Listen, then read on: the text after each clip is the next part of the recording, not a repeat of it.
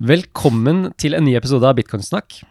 Og du som hører på, husker kanskje at under Arendalsuka så arrangerte to av Norges største banker en, eh, et seminar som het Bitcoin for dummies. Det gikk eh, viralt på X, både på norsk og på engelsk. Der var jeg, og der hørte jeg Morten Søberg snakke. Og han er ikke en typisk uh, suit, som han kaller det. Han er et kreativt tenkende individ i bankvesenet, høyt oppe i bankvesenet, med doktorgrad i samfunnsøkonomi. Derfor ville jeg prate med han. Morten Søberg han er forhenværende Senterpartipolitiker og statssekretær i Finansdepartementet, mens nå er han medlem av Norges Banks representantskap, altså de som driver tilsyn med bankene, og direktør for samfunnskontakt for Sparebank1. Velkommen. Tusen takk. Du har sagt at uh, bitcoin har en kultstatus som gir meg assosiasjoner til punk og hanekam. Og her i dette rommet så er det ikke noe punk eller hanekam, men jeg håper det går fint. Hvorfor ja. sa du det? Nei, uh, jeg er jo i og for seg for ung til å ha vært punker. Uh, men, uh, men, punk var jo på en måte et slags opprør mot konvensjoner, mot det bestående. Og jeg leser jo på en måte soga om bitcoin inn i inn i den samme, samme tradisjonen, på sett og vis. Det var jo et forsøk, eller er kanskje et forsøk ennå, på å etablere et alternativ. Uh, et monetært alternativ. Ny form for elektroniske penger for overføring mellom individer, for betaling av varer og tjenester. I opposisjon til ikke bare statlige penger, altså seddel og mynt for de aller fleste, men også i opposisjon til måte, penger som det vanlige bankvesenet jo produserer hver gang det blir ytt kreditt og lån. Så er det jo uh, også slik, selvsagt, at uh, det at gründeren, Satosho Nakamoto, Nakamoto uh, forblir anonym, ukjent, bare understreker det opposisjonelle ved det hele. Det er jo i regelen sånn at det er veldig veldig tydelig hvem som er myntmester, hvem som har myntrett, hvem som står bak pengene. Det hører med til soga, bokstavelig talt, at jeg har gjort litt uh, forskning, eller litt grunnarbeid i det helt siste. Uh, jeg ble litt nyfiken her om dagen på hva det navnet egentlig betyr. Uh, og Satoshi, som kjent, har jo etter hvert uh, fått en veldig sånn tydelig monetær betydning òg, all den tid én bitcoin er lik 100 millioner Satoshi, eller Satoshiar på nynorsk. Mm. Men eh, fornavnet Satoshi det er jo et, et japansk guttenavn som eh, på japansk, litt avhengig av hvilke tegn og symboler du bruker, kan staves eller skrives på opptil 300 forskjellige måter. Ja. Men det ser ut som om standardbetydninga er, er, klartenkt, eller intelligent. Mens etternavnet Nakamoto, igjen litt avhengig av hvordan det blir skrevet og tolka, kan bety et slags geografisk midtpunkt. F.eks. Eh, et midtpunkt i ei bygd. Det er også veldig, veldig sånn talende, ikke sant.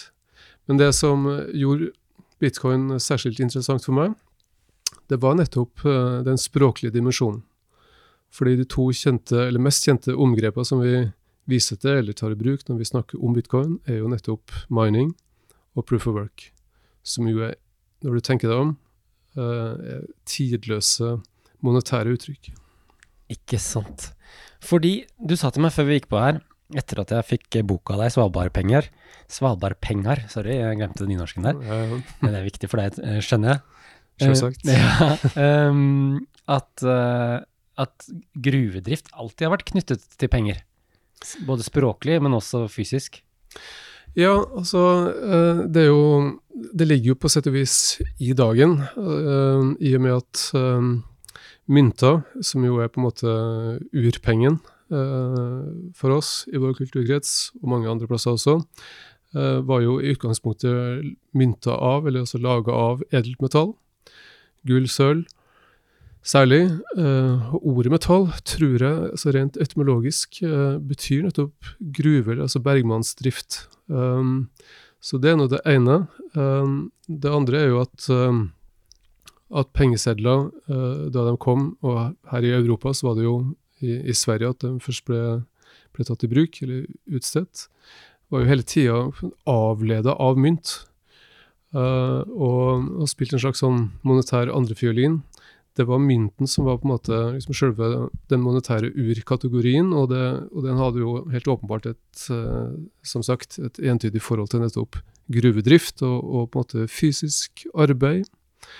Og, og bitcoin Uh, Sjøl om du må kanskje bruke litt fantasi for å se de her vindskeive parallellene, er jo om ikke annet en påminning om at penger uh, kosta det noe å få laga, hadde et veldig sterkt forhold til verdiskaping, arbeid, produksjon.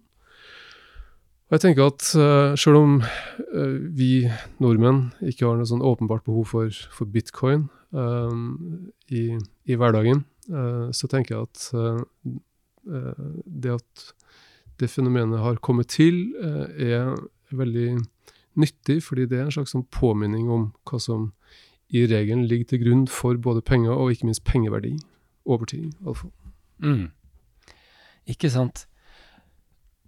Og da kommer vi over til spørsmålet som jeg har tenkt jeg har lyst til å stille deg. Er det slik som flere moderne tenkere vil ha det til, at det må stå en stat bak penger for at det skal funke? Nei, uh, det må sannsynligvis ikke det. Og, og pengehistoria på Svalbard, som vi kanskje kan komme litt tilbake til, er jo ett dømme. Men, men, jeg tror det, det er fornuftig å, å, ta et steg tilbake her også, kanskje. fordi dersom du f.eks. går inn på hjemmesidene til, til Norges Bank, så, så kommer du fort over en sånn standarddefinisjon av penger. Uh, ikke sant? At det skal være uh, en verdioppbevarer. Uh, at det skal kunne, kun brukes som, som, betalingsmiddel, og at det i tillegg skal være en sånn regneenhet. Um, og, men det er ikke uten videre gitt at alle typer penger skal på en måte tilfredsstille samtlige krav. en kan se for seg ulike grader av på en måte pengelignende uh, egenskaper. Nå kom jeg litt bort fra spørsmålet, yeah. for du, sa, du spurte om det må være statlig. Yeah. Ja. ja. Nei uh, OK. Men, men fyk av gårde. Altså, ja, digresjonene er jo hele, ja, hele ja, jo, samtalen. Jo, kjære vene. Mm. Nei, um, jeg syns at, at, det der er et veldig spennende spørsmål, fordi uh, det er på den ene sida temmelig klart at, at uh, staten åpenbart har stor makt til å definere hva penger er. Uh, uh, og det her går jo tilbake til, til altså en kjent pengeteoretiker, lyd navnet Georg Friedrich Knapp. Han ga rundt 1905 ut et storverk om eh, statsteori om penger, der, som er nettopp knytta til, eller som i sin i sin essens handler om at det er staten som via lover og forskrifter altså definerer hva penger er. Her til lands så kommer det et uttrykk i sentralbanklova der det står svart på hvitt at ei krone lik 100 øre. Så i og med den lova har Stortinget definert hva norske penger uh, i sin essens, i sin grunnhold, er for noe. Men et avleda og relevant spørsmål som jeg ikke uten videre vet svaret på, det er jo om staten også må produsere penger. Ikke sant? Ja. Uh, og, og den, det spørsmålet står vi på sett og vis midt oppi, fordi statlige penger for folk flest, seddel og mynt, er jo i stadig mindre bruk. Det er på en måte private penger i form av, av kontopenger som på en måte rår grunnen, stadig mer hegemonisk. Og Norge og Sverige er jo på en måte eh, altså ligger jo et hestehode foran hovedfeltet, all den tid vi er, er blant de mest kontantfrie samfunnene som finnes og kanskje har funtes. Eh, på lenge, iallfall. Eh, så det her spørsmålet om staten må være en pengeprodusent i tillegg til å på en måte ha denne definisjonsmakta, det er et åpent spørsmål. Det er det. Tror jeg. Ja, ja, ja. Og, og eksempelet El Salvador, f.eks., gir jo litt svar på det, da. At uh, det, det, er teoretisk mulig, men i et moderne demokrati er det kanskje annerledes. Ja, El Salvador er jo på en måte er jo, jo bitcoin-landet. Mm. Um, på spansk så betyr jo navnet på landet Frelseren. Mm. Men om det er en type frelse vi skal søke mot, jeg er ikke så sikker. Det hører med til soga at man, de hadde jo sin egen valuta før, uh, som het kolon. Den er det satt punktum for. Mm. Og så var det US-dollar, ikke sant. Også bitcoin. Men uh, så vidt jeg vet, altså bitcoin ble uh, igjen da, i samsvar med, med knaps i lære, ikke sant, ble jo innført via lov. Det var jo staten som, som, uh, som vedtok at, at, bitcoin skal være tvunget betalingsmiddel og i hermetegn offisiell valuta i El Salvador. Det skjedde jo veldig fort, uten forarbeid, uten mm. noen offentlig høringsprosess. Ja. Og sånn, sånn, skal ikke lova komme til. Ideelt sett. Ideelt sett så er det mer organisk uh, bottom up også. Ja eller, eller, det tenker jeg da, i hvert fall en sånn normativ tilnærming til det. Du, at penger kan oppstå, tenker du? Ja, i det tilfellet der, i det tilfellet der så, burde, mm. så hadde det vært finere hvis det var et behov, og at det ble skrikt etter å kunne betale skatt i bitcoin, f.eks. Det var det jo ikke. Nei, det, men samtidig så er nok El Salvador eh, et land der en virkelig kan se et behov for et pengealternativ av typen bitcoin. Og det har jo å gjøre med at en såpass stor del av BNP i landet kommer til som følge av overføringer fra utlandet, mm. særlig fra eh, innfødte nær sagt, som har emigrert til USA, og som sender penger tilbake til hjemlandet. Og det er klart, med bitcoin så kan du overføre penger billigere, raskere, men ikke minst mer billig. Så, så der skulle man jo tro at det rett og slett var et behov. Men så vidt jeg vet, så Eh, er nok omfanget av bruk nokså avgrensa, også når det gjelder sånne, sånne grensekryssende betalinger eller overføringer. Mm. Så vel, vel. Et uh, nærliggende land, uh, El Salvador, er Argentina. Og, og, jeg har aldri hørt ordet sentralbanksafari før, men du fortalte meg at du hadde vært på sentralbanksafari. Både vært i Fed, Bahamas, Argentina. Kan du ikke fortelle litt om din opplevelse? Jeg har, har besøkt så mange sentralbanker. Ja. Eh, et, høyd, et, tidlig høydepunkt, bare skyte inn det, det var da jeg var statssekretær og sammen med daværende finansminister Sibjørn Johnsen hadde møte med sentralbanksjefen i Ungarn, mm -hmm. som hadde falt i unåde hos uh, daværende president eller statsminister Orban. Uh, Orban har jo vært sentral lenge. Og Orban prøvde da bokstavelig talt å sulte ut sentralbanksjefen ved å, ved å holde tilbake lønn. Men han hadde jo en formue i bakhånd, så han, uh, han, ble sittende. Ja. Men det, det var en, en, artig opplevelse, i og for seg. Uh, ja, artig, artig. Ja, men, uh, men, det sier noe om avhengighetsforholdet mellom sentral, sentralbanken og myndigheter, da, som kan stille spørsmålstegn ved. Ja. Nei, argentinske sentralbanken Ja, altså, det som er eh, Vi har jo eh, slitt med såkalt høy inflasjon her til lands en tid, men det er jo peanuts i forhold til hva man opplever i Argentina. Så da jeg kom dit i fjor sommer, så var inflasjonen på ca. 115 Nå lurer jeg på om den begynner å krype oppover mot 200 mm. Og Milel, som vant, vant presidentvalget, hadde jo som en av sine fanesaker at han skulle eh, avvikle sentralbanken, mm. rett og slett. Yeah. Um, men nei, det er en forholdsvis ung sentralbank i Argentina. Uh, jeg tror den ble etablert midt på 30-tallet. Uh, men det som leda meg dit, det var jo først og fremst med interesse for en veldig sentral argentinsk bankier, Ernesto Tornquist, som uh, i sin tid eide og sto i spissen for Banco Tornquist, en formidabel og veldig, veldig viktig investeringsbank i Argentina. Det var, det var Banco Tornquist som også var fødselshjelper og finansierte det første norske oljeeventyret, nemlig hvalfangsteventyret på Sør-Georgia i sin tid.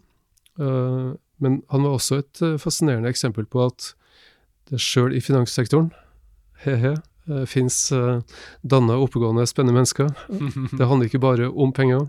Um, uh, han bygde opp i sin tid et uh, formidabelt bibliotek, uh, som fram til andre verdenskrig i Argentina var det mest imponerende biblioteket når det gjelder litteratur om nettopp pengestell, penger, finans, og økonomi, men også en, en, rekke næringsveier. Og det her på en tid da Argentina var økonomisk stormakt BNP per capita for 100-120 år siden var jo nesten på nivå med USA og Storbritannia. Og det biblioteket, for en lang historiekort, det ble da donert, gitt i gave til den argentinske sentralbanken. I 1975 var det vel. Mm. Så og der var du inne i den argentinske sentralbanken. ja. Møtte du sentralbanksjefen der, eller fikk du en omvisning? Ja, jeg hadde møte der, men, men, ikke på så høyt nivå. Um, Men eh, jeg, jeg, jeg drev og forska litt på, på det her biblioteket, forstår du, til, etter Tornquist.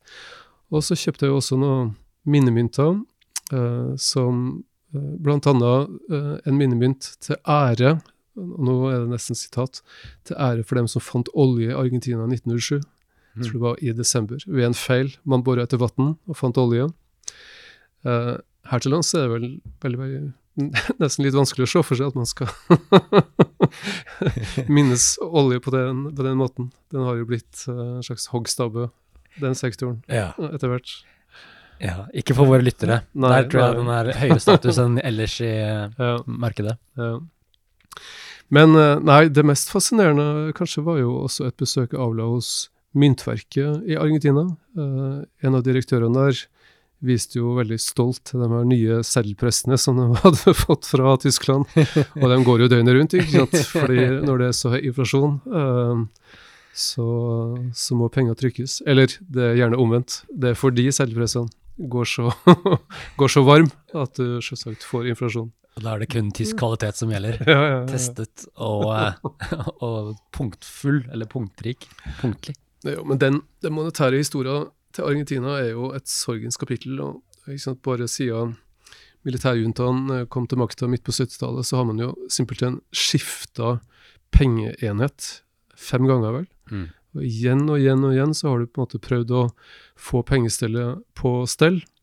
Har mislyktes. Um, og det er jo, er jo trist og tragisk men, uh, for dem det gjelder, eller som blir råka av det. Men samtidig også, tror jeg, ei, ei sånn kraftfull påminning om at, om at det er helt avgjørende, helt grunnleggende, at du har orden i pengesakene i et land.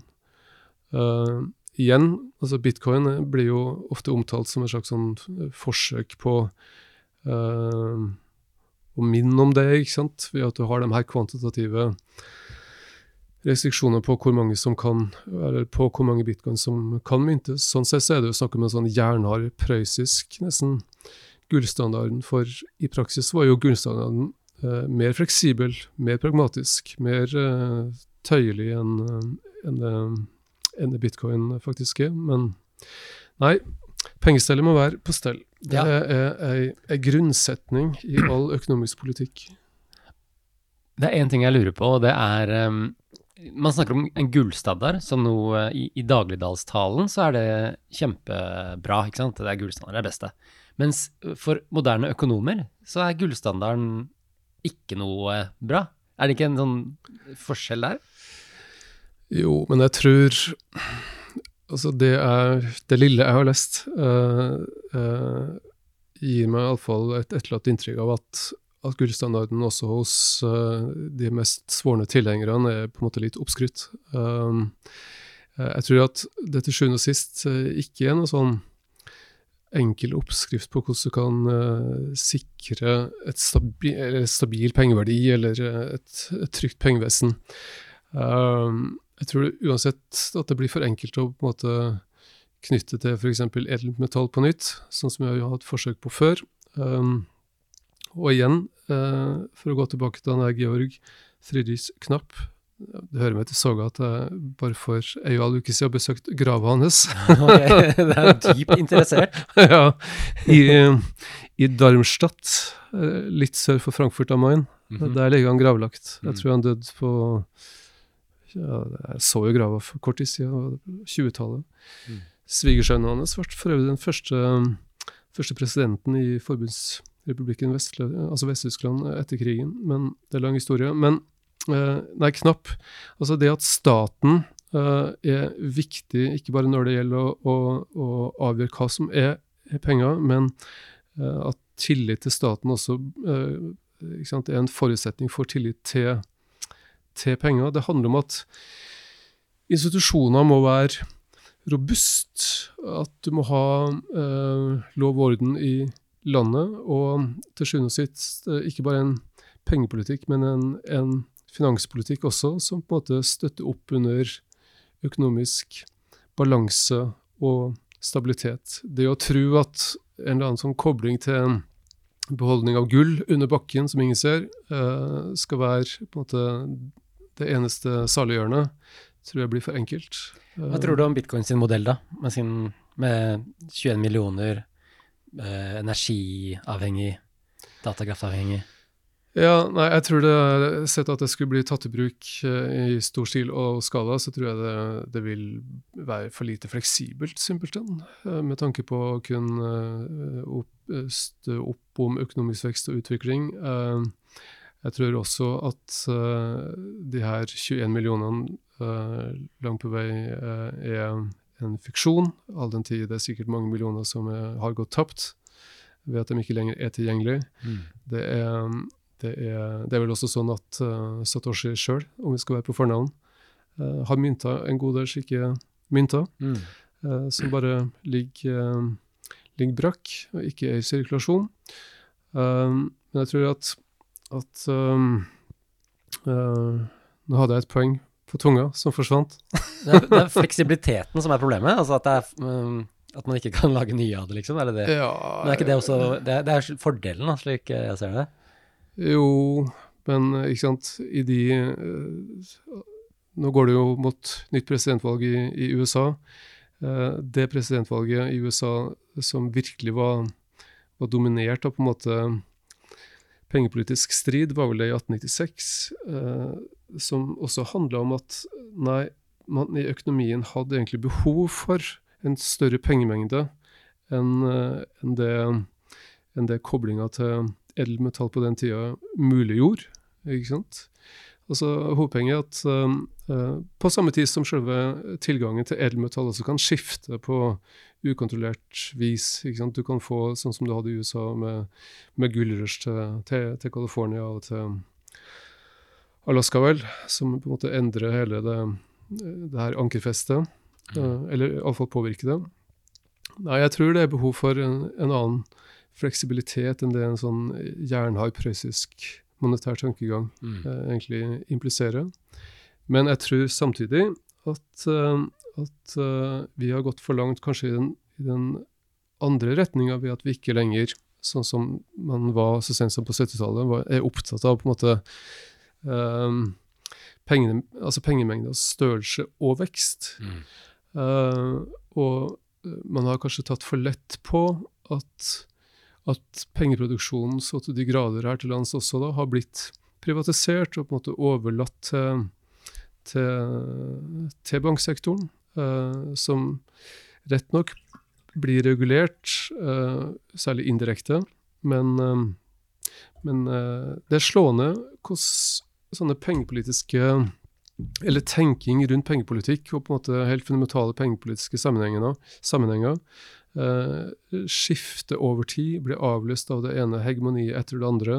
Eh, og på veien så kan det være at en del sånne innsikter også går tapt, ikke sant? iallfall for en tid. Og så Mm. dukker de opp igjen. Og det, det er jo det siste som har skjedd i og med bitcoin.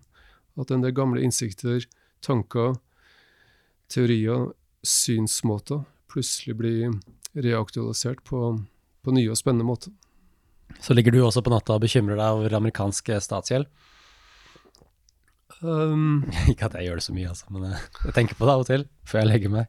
ja, litt, litt ja og nei.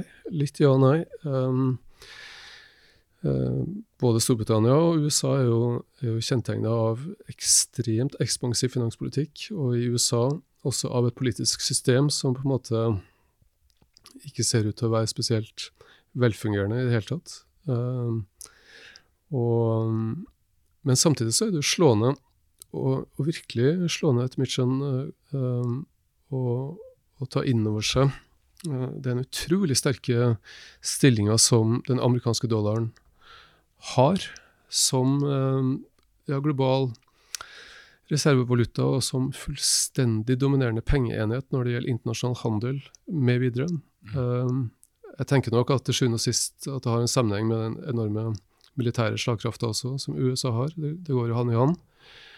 Og, uh, og alle sånne tidsserier som jeg har sett på, viser jo også en sånn forbløffende stabilitet når det gjelder stillinga og rolla, styrken til den amerikanske dollaren som monetært fenomen. Det er dypt fascinerende, Mm. rett og slett. Absolutt. Tror du det, det er sårbart? Altså er verden sårbar fordi Amerikas politikk er sårbar? Ja, altså, hva slags type penger som på en måte har, eller nyter en sånn status, um, uh, det er jo Det er jo uh, ei historie om skiftende hegemoni. Uh, og skiftet inntrer jo ofte etter store kriger, f.eks. Altså pundet var jo veldig dominerende fram til slutten av andre verdenskrig, og så plutselig så er det i og for seg dollaren som tar over, men understøtta av en sterk økonomi. Og det militære vil jeg også tro har en, har en rolle her. Men så blir spørsmålet hva er det som kunne tenkes å true dollaren. Det er lett å, å, ved første øyekast, eller ved første tanke, å tenke på Kina. Uh, men, uh, men, ser du på f.eks. internasjonal handel, så er jo Kina så å si en skygge av seg sjøl. Det som i så fall er litt skremmende dersom det skulle bli et skifte sånn sett fra USA til, til Kina, er at det vil være kvalitativt sett et helt annet skifte fra, enn det vi opplevde etter krigen, fra Storbritannia til USA. Altså fra et demokrati tross alt til et annet. Mm. ikke sant? Uh, og, og, land som, ja, for å si det uh, som det er, har, har, et verdimønster eller er tufta på prinsipp og verdier som det for nordmenn er mye lettere å like enn, enn om Kina skulle ha eller få en, en tilsvarende rolle. Men du tror ikke bitcoin eh, kan være den neste globale reservevalutaen? Um, det vil jo overraske meg veldig, men i så fall så blir det jo utrolig spennende. vi snakket om uh, myntverk i Argentina. Uh, vi snakket om sentralbanker. Du har vært på sentralbanksafari, bl.a. i Fed. Kan du fortelle litt om det, hvordan det var å gå inn i den amerikanske sentralbanken? Ja, den er jo, den er jo forholdsvis uh, fersk og ny, det må være lov å si det. Sier du om alle, alle etter 50-tallet? Nei, den går jo tilbake til 1913, men oh, ja, okay. men, uh, Sorry. Men uh, Nei, det var der, apropos alt dette om dollaren som hegemonisk penge i, i vår verden, i, i vår tid. der hadde vi Jeg var der, bare for å gjøre det klart, jeg var med på en studietur sammen med Norges Banks representantskap til USA, der vi selvsagt også besøkte oljefondet sitt kontor, si avdeling, i, i New York. og og lært veldig mye av og i og hos IMF, Det internasjonale pengefondet. Uh, men vi hadde også en session i den amerikanske sentralbanken der nettopp uh, dollarens rolle var, var, var, tema. Og det var lærerikt, men jeg var enda mer nyfiken på den neste sentralbanken som jeg besøkte kort tid etter. For jeg dro nemlig fra Washington DC ned til Bahamas. Yeah. Uh, og Bahamas uh, er jo et uh, litt sånn underlig land på mange måter. man hadde jo en slags apartheid der helt fram til tidlig 70-tall, med altså hvitt mindretallsstyre. Mm. og den hvite som bor der, er jo, så vidt jeg forsto, for det meste etterkommere av såkalte lojalister. Altså eh, amerikanere, eller nordamerikanere som var i opposisjon til at USA skulle bli selvstendig. Ja. Ville fortsatt være under Storbritannia, ja. men tok med seg eh, både, både, gods og gull, og ikke minst slavene ned til Bahamas. Eh, da. Men, men, Bahamas i dag er interessant, eller jeg trodde, håpa det skulle være interessant, uh, fordi det var, det var, det første landet som innførte digitale sentralbankpenger. Uh, men det jeg også opplevde, var jo at den amerikanske dollaren der òg blir jo brukt uh, side ved side med, med lokal valuta. Så, ikke sant. Ja. Så det er ikke nødvendigvis at det løser alle problemer med en DSP, som det kalles, digital sentralbankpenge?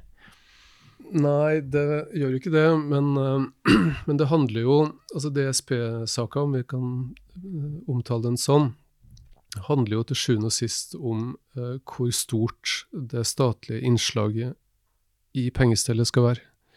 Uh, og hos oss så, så, er det jo sånn at seddel og mynt utgjør jo kanskje litt avhengig av, av hvordan du definerer pengemengde, selvsagt, men, men uh, 2-3 ikke sant? Altså statlige penger er så å si usynlig mm. uh, i hverdagen.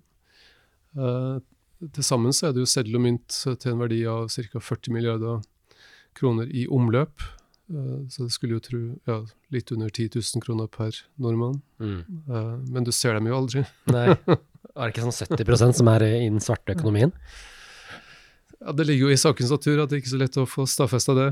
Ja. Eh, men eh, Nei, jeg har ofte, eller ofte, ofte, jeg har tidvis tenkt på seddelmynt som, eh, som, som dueunger. Man vet at den fins, men man ser dem aldri. ja, ikke sant. Helt til en i Moss Avis sier at man har funnet en million i skogen. Ja, nettopp. Um, jeg vil snakke om uh, Sveits og Liechtenstein og, og bankvesenets framtid.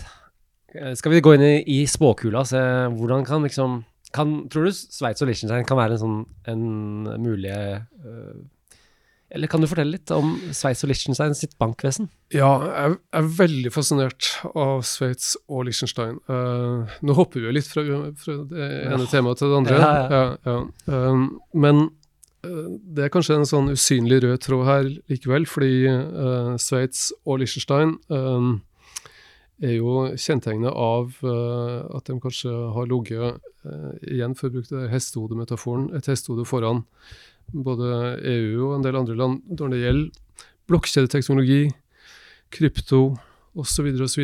Um, du har jo i, i Sveits, eller har jo sjøl besøkt flere sånne rene kryptobanker i, i Sveits. Det mest imponerende Sygnum Bank, eh, som, som har et slags hovedkvarter i Zürich, men også driver fra, med en sånn banklisens i, i Singapore, og har vel nylig også oppretta kontor i Midtøsten, i Emiratene et sted.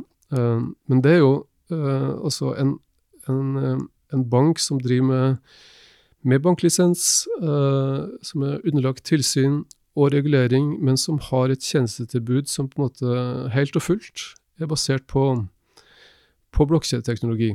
Eh, det er også sånn at i Liechtenstein så har du jo i og for seg forholdsvis ja, tradisjonelle banker som Bank Frikk, VP Bank, som også på en måte tilbyr tjenester, finansielle tjenester basert på blokkjedeteknologi. Og du har en sånn eldgammel, eller eldgammel, du har en, en renommert velrenommert investeringsbank eller privatbank i Sveits, Julius Baer, ble vel starta i Basel i 1890, som også på en måte tilbyr tjenester som eh, handler om investeringer i kryptovaluta.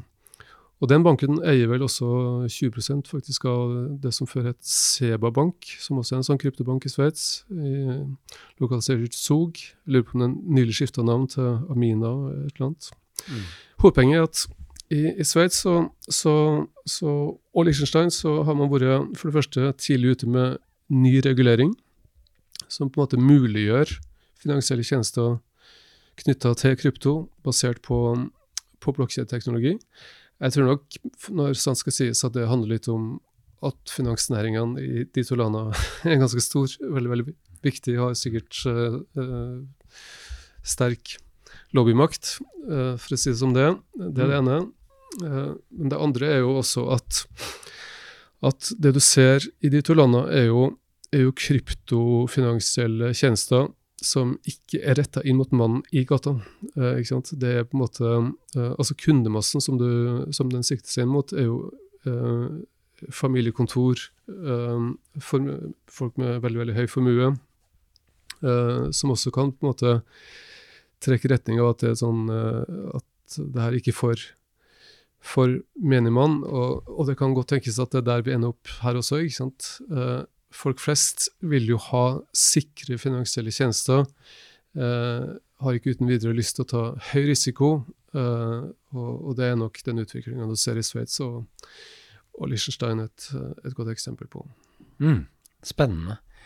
Jeg var med en fetter som bor i Sveits uh, her om dagen, og han viste meg en, um, en bank som heter Revolut. Og der, den, til, den, den opererer i Norge også, og Mm. den tillater at man kan holde sveitsiske frang eh, og bruke de på butikken. Altså den overføres momentant da, når du går på butikken. Ja. Litt sånn artig konsept, i og med at sveitsiske frang har holdt seg innmari bra i verdi, da. Ja, det er jo den, den, eh, den nye D-marken, egentlig. Uh, D-marken, den referansen tar jeg ikke. Altså, tyske mark i sin tid Ja, var- eh, var jo, nei, nei, men den hadde jo en veldig høy status som sånn uh, sikker valuta, høy verdi, stabil verdi osv. Men, men uh, det er jo spennende det som skjer i Sveits. Altså, det, eh, i, i denne kantonen Zug så er det jo også mulig å, å betale skatt og avgift med, med kryptovaluta. Jeg så nylig at det samme skjer i Lugano, Mm. den italienske delen av Sveits. Mm. Og jeg la merke til i Zürich nå tidligere i høst, eller sist høst, at når du kjøper togbillettene på sånne automater på f.eks. jernbanestasjonen, Mm. så kan du også kjøpe bitcoin. Mm. Uh, Du kan så- kjøpe bitcoin, eller kjøpe Ja. for bitcoin, bruke Ja. bitcoin. Nei, kjøp bitcoin. Kjøpe bitcoin. Ja, ja.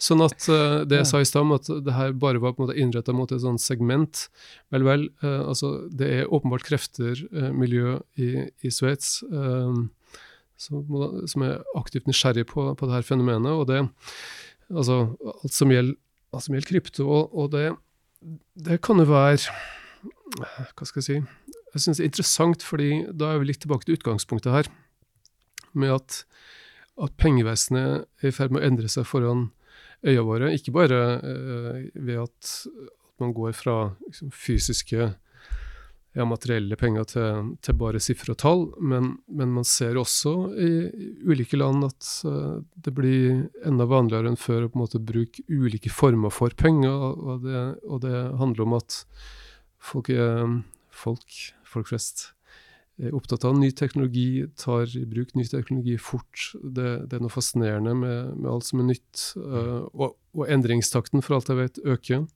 Også på det her pengepolitiske området. Så en kan kanskje begynne å, å leke seg med forskjellige scenarioer, der man går mot en framtid der man eh, også her til lands ikke bare bruker norske kroner, men ikke avhengig av hva du eh, kjøper, vil kjøpe, vil investere vil, eh, vil, vil eh, bruke av varer tjen eller tjenester særlig, eh, trenger forskjellige typer penger Mm. eh, i større grad enn en, en før. Mm. At det blir, eh, om ikke mer konkurranse mellom ulike pengetyper, men iallfall en slags sånn sameksistens av ulike former for verdibærere, Mm. rett og slett. Ja. Kanskje. Ja, jeg er litt skada av eh, at jeg sparte til ferie i norske kroner i fjor, fra starten av januar til sommeren. Og da falt jo verdiene på pengene mine med 15% tror jeg. Ja. Så det var, da tenkte jeg skal, den samme feilen skal jeg ikke gjøre i år. Nei, så så hva har du gjort i år? Nå, nå, nå holder jeg det i sveitsiske frank. Du gjør det? Ja, for Revolut. Ja. Veldig fascinerende med det som har skjedd nede i Sveits de siste ti åra. Fordi man hadde jo uh, Altså den her enorme etterspørselen etter sveitserfranc uh, prøver man jo på en måte å holde i sjakk til man for en vel ti år siden lot sveitserfrancen flyte fritt. Mm. Og det har jo, uh, det har jo gjort at uh, den enorme eh, den enorme tilstrømming av utenlandsk valuta uh, har, blitt, har da blitt møtt av måte økt pengeproduksjon fra sentralbankens side, Ja. som har ført til at selve balansen til sentralbanken har jo økt voldsomt. Mm. Og, og man trodde at det her skulle være mellombels, men nei, man har altså brukt utenlandsk valuta til å kjøpe uh, aksjer og obligasjoner internasjonalt, og har jo på en måte fått bygd opp verdier tilsvarende et norsk oljefond nesten. Men uten å gå omveien via å pumpe opp olje og gass, og så selge det, og så investere. Du har bare trykt på en knapp, du har solgt sveitsefrang, og så har du endt opp i, samme fine situasjon Ja. som, eh, som oss. Ja, men det er en fantastisk verdi å ha et stabilt pengesystem, da. Det er jo Eller et populært et, ikke sant? Ja. Trygt et. Mm. Uh, mens den norske krona, dessverre. Mm. Du er jo på ikke- sett og vis ansvarlig for den norske kronen. Nei, det er det overhodet ikke. Nei, jeg bare tuller. Men, men du sitter i representantskapet, og det er de som har eh, De som gjør eh, Ja, hva gjør egentlig de? ja, nei, altså vi har jo en, en forholdsvis gammel sentralbank. eh, ikke sant? Det går jo en gammel tilbake, Ja. ja, det går jo tilbake til 1816. Ja. Um, det var ikke så, altså Den svenske er jo den eldste, på sett og vis. Mm. 1668. Bank of England 1694, vel. Så skjer det ikke så mye på 1700-tallet, tror jeg. Men, men tidlig på 1800-tallet så er det en del som kommer. Eh, vel, uansett, vår sentralbank 1816. Hovedkontoret lå jo fram til 1897 i Trondheim. Gjør det så kjent ikke lenger Nei. ja, dessverre. Um, men, eh, men, men um, ja, representantskapet, uh, det er jo et tilsyns-oppsynsorgan eh, som går tilbake til 1816. eh, oppnevnt av Stortinget hele tida Fram til, sentral, til endringa av sentralbanklova i 1892 så var det også sånn at alle medlemmer i representantskapet skulle være trøndere. Er det sant? Ja, Så da var det virkelig orden på, på sakene. Men uh, Rune Østgaard kommer til å elske den delen her. Vet du hvem Rune Østgaard er? Uh, fortell meg. Han har skrevet en bok som heter Fraudcoin, om, eh, om uh, det første myntverket i Trondheim. Eh, Harald Hårråde. Hvordan han skapte Ja, ja, ah, ja. Og han er, er trønder og elsker alt Ja, ja, Trøndelag. Altså Erkebispegården brant jo ned, eller det var en storbrann der tidlig på 90-tallet. Da fant man jo det her, spor etter det her gamle myntverket til Å, ja. Eh, og det går jo igjen tilbake til strid mellom kirke og, og, og konge ikke sant, om myntretten. Mm. Apropos det vi snakka om helt i starten, altså hvem som har myntrett, rett til å utferde eller slå mynt. Mm. Fundamentalt viktig. Mm. Og, og det har gått mange, tror jeg, dessverre hus forbi at banker i dag har jo i praksis en slags de facto myntrett ved at man står fritt til å gi lån og lage penger på Mm. den måten. Men hvor var vi? Jo, nei, altså, nei, representantskapet skal jo føre simpelthen tilsyn og oppsyn med at sentralbanken driver i samsvar med lov og forskrift. For også oppsyn med oljefondet. eh, og vedtar budsjettet til sentralbanken. Eh, det, det hører nok med til soga at det er et organ som hadde større makt. Apropos denne lovendringa i 1892. eh, Fram til da så hadde det jo mye større makt, også i samband med utnevning av, eh, av direksjon eller sentralbankledelse. Yeah. Men uansett, det er en fin tradisjon, en gammel institusjon, øh, og i og for seg lærerikt å være, være med. Mm. Selvsagt. Snakker dere der om eh, DSP og krypto og bitcoin? Ja. Mm. Et nytt møte. Jeg vet ikke når det her blir sluppet, den samtalen vår. i morgen? Ja, vel, alt nå på torsdag så er det møte, og da er, DSP ett punkt på agendaen. Mm. Er du positiv? Ja, så det her, uten at det betyr noen verdens ting, så er det to ting jeg har tenkt på øh, over lang tid for å finne ut hva jeg egentlig mener om det. Det ene er skotsk uavhengighet. Ok. ok. Som sagt, det betyr jo ingenting hva jeg mener, men jeg, jeg syns det har vært en, en spennende ting å tenke på og prøve å ta stilling til. Mhm. Det andre er digitale sentralbankpenger. Um, fordi det mest åpenbare innvendinga mot en uh, sånn pengereform er jo at, um, at uh, det i så fall er et svar på et veldig uklart definert problem. Vi har jo et betalingssystem f.eks. som uh, ikke bare fungerer godt, men som er effektivt, høymoderne osv. osv. Uh, men jeg tenker og tror uh, at, um, at uh, det iallfall er et mindretall som er ganske overbevist om uh, vil ha muligheten til å bruke andre penger enn dem som bankvesenet produserer. At det skal være en slags sånn exit-mulighet. altså Det skal være å, mulig å komme ut av den sfæren, og det skal ikke minst være mulig å bruke penger som i større grad enn f.eks. bankpenger eller også kontopenger muliggjør eh, anonyme transaksjoner. Uh, uh, en slags sånn mulighet til frihet, Mm. økonomisk frihet, i en sånn djup forstand. Mm. Uh, så jeg er for statlige penger, at de skal finnes og være tilgjengelige, selv om de ikke uten videre skal overta eller på en måte bli totalt dominerende. Um, det er min posisjon. Mm. For øvrig så var det jo nettopp eh, Det var jo folkeavstemning om skotsk uavhengighet i 2014, var det ikke det? 14, ja, 14. Men da var det jo nettopp det her valutaspørsmålet som på en måte eh, virkelig eh, vært hengende i lufta. I den forstand at det ikke var avklart eller tydeliggjort på noe som helst vis om Skottland, dersom landet på nytt ble selvstendig, skulle fortsette å bruke engelske bunn, eller altså britiske pund, eh, eller innføre en helt ny valuta, eller sågar ta i bruk euro. Ikke sant? Det her var et uavklart spørsmål, og det tror jeg nok medvirka også til at det ble eh, flertall mot uavhengighet da. Ja, For det, det er så fundamentalt hva slags penger du skal ha og bruke, ha lov til å Ja. bruke i et land. Ja, ja. Det handler om nasjonalfølelse. Det også. Det også. Mm.